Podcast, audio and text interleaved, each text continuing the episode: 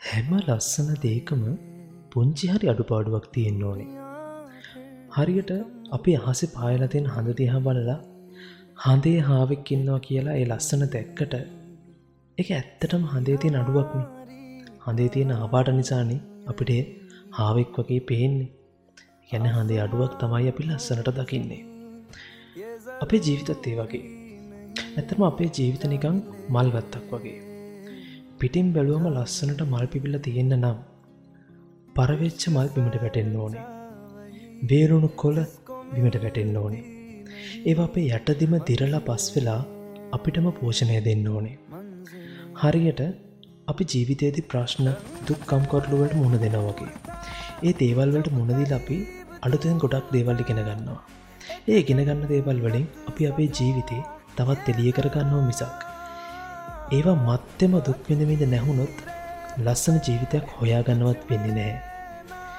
මේ දේවල් කියන්නේ නිකන් නෙමෙයි. අපිට ජීවිතය වැරදුණු තැන කඳාගන්න දයිවයි හැම වෙලාවෙම තම අවස්ථාවක් දෙනවා. හරියට අපිට පොඩිකාල මගෑරුණු දෙයක් ලොකු මිනිස්සු වෙච්ච දවසක ඒ දේම මගෑරුණු තව කෙනෙක්ට දෙන්න අවස්ථාවක් කම්බෙනවගේ. ඒ අවස්ථාව අතාරෙන් එපා. ඔයාට ලැබුණු නැතිදේ තව කෙනෙක්ට දෙන්න පුළුවන් නම් අනිවාරයෙන් එක තින්න බලන්න. මේ දාලතියෙන ෆොටෝ එක දැක්කාම සමහර අයට ෆිල්ම් එකක් මතක් වෙන්නත් ඇති. ඇත්තටම් මම මේ කියන කතාව කියන්න හිතුනෙත් මේ ෆිල්ම් එක බැලුවට පස්සේ. පොඩි කාලෙතිම ඔළුවට දාන සංස්කෘතිය පෙළපත වගේ දේවල් නිසා අපෙන් සමහරයට එයාලා හොයෙන ආදරේ ලබාගන්න හම්පෙනෙ නැහැ. ඔය කියන්නම් වාල කාවහරි බැඳලා මංගල තැල්ල බෙල්ලි බැඳගෙන කරන්න ඕනම නිසා ලිංගිකව හැසිරලා දරුව හදාගෙන ජීවත් වෙන්නම් බාල ජීවත්වෙන අය ඕන තරම් ඉන්නවා. අඩුම ගානේ ආදරෙන් සිප වැළඳගෙනවත් නැති අය ඕන තරම් කසාත සහතිකවලට අස්සන් දාලා අදටත් ජීවත් වෙනවා. ඒ ජීවිතය තියෙන් එතර නෙමේ කියලා තේරෙන්න අපේ ජීවිතවලට එකම වතාවක් හරි චරිතයක් කෙනවා.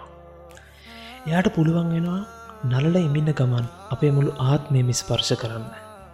එ නැතත් උඹේ හුස්මක් තරම් දුරටවත් ලං නොවී උඹෝ තේරුම් ගත් අය තම්බෙලා ඇති. සමහරවිට උඹටත් එහෙම කෙනෙක් ජීවිතයට හම්බෙලා ඇති. එයා උඹට තේරුම් කරයි ආදරය කියන්නේ ඇගිලි ගැටගහපු නූලක්වත් බෙල්ලෙ බඳින තැල්ලොක්කත් නෙමේ කියලා.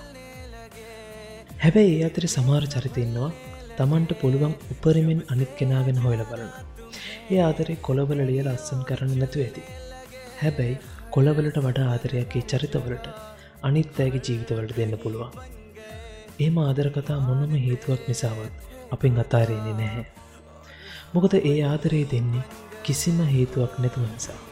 එමත් නැත්තං ඒ ආදරේ අහේතුකයි. කෙනෙක්ට තව කෙනෙක්ට ආදරය කරන්න පුළුවන් එයා තමන්ට ආදරය කරන එක නවත්තපු දවසකට විතරයි. එහෙම වනාම ආදරය කරන්න කෙනා වෙනුවෙන් ලෝකයක් එක්ක වුණත් සටන් කරන්න පුළුවන්. මොකද එතකොට තමන්ම වැදගත් නොවී අනිත් කෙනාගේ මූුණට හිනාවක් කියනක තමයි එක මාරමුණ වෙන්නේ. සමහර විට අපි යාට ආදරය කලාට එයා අපිට ආදරය නොකරන්න පුළුවන්. අතකින්වත් අල්ලන්න අවස්ථාවක් හම්බ නොවෙන්න පුළුවන්. හැබැයි ඒක ප්‍රශ්නයක් නෙවෙයි. මොකද ආදරය කියන්නේ ගණු දෙනුවක් නෙමෙයි. මං එයාට දුන්නා එයත් මට දෙන්න ඕන්න තැන නෙමේ යාදරේ තියෙන්නේ. මං එයාට මට පුළුවන් උපරිමෙන් දෙනවා එයාව සතුටින් තියන්න කියන තැනයි ඇත්ත ආදරේ තියෙන්නේ. බල කියයි මෙහෙම කියන මට පිස්සු කියලා. ඒත් අදටත් නැද්ද උඹලට කොහෙහරි ඇත්ති මතකට එන කෙනෙක්. ආසම කෑමක් අද්දි අන එයාටත් ටිකක් දෙන්න තිබුණනම් කියලා මතකට එන කෙනෙක්. නිදාගන්න යත්ති. එයා එක් එක වචනයක් අයි කතා කරන්න තිබ්බනම් කියලා හිතෙන කෙනෙක්. උදේට නැගිට්ටම එයාගේ මැසේජ්ජයක් ඇවිල්ලත් කියලා බලල මතක් කරන කෙනෙක්. ඒකන ඒනම් මට විතරක් නෙවෙයි පිස්සු.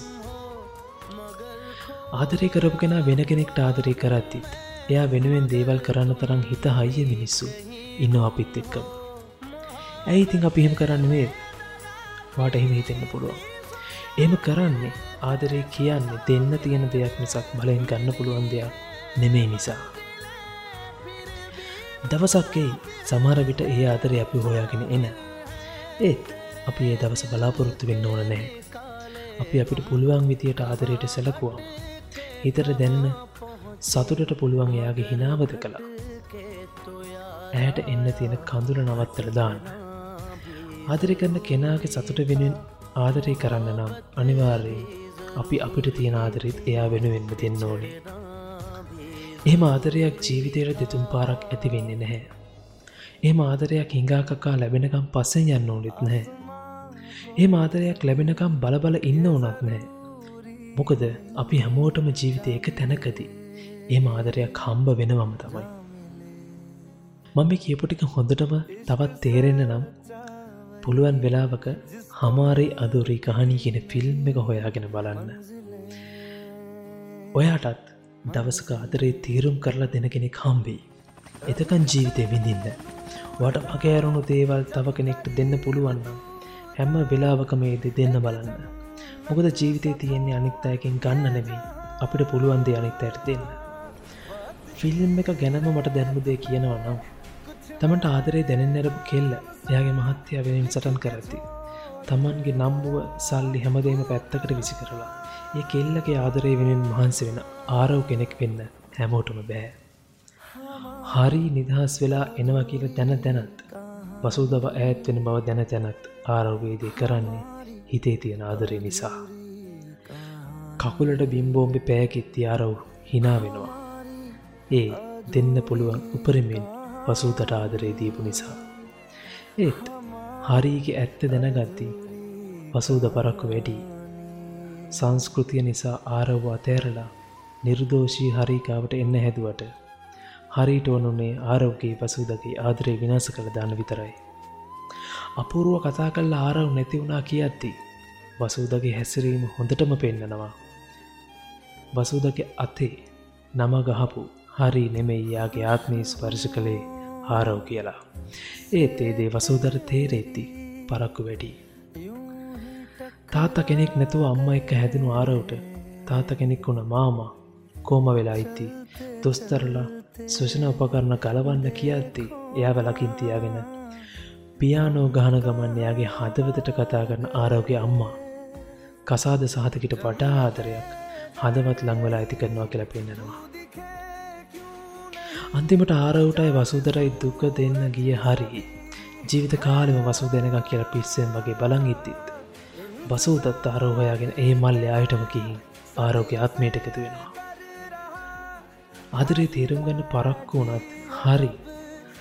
අන්තිමට වසූද පතපුතේ අර මල්්‍යයායටම අඩුපාචනය අරන්ගීන් වසූතට දුන්නා.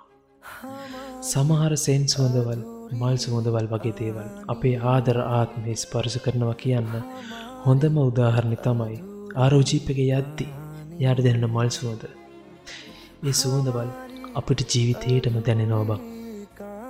මට ෆිල්ම් එකේ දැනුනම දෙබසෙන් මේ කතාව මම ඉවර කරන්නම්.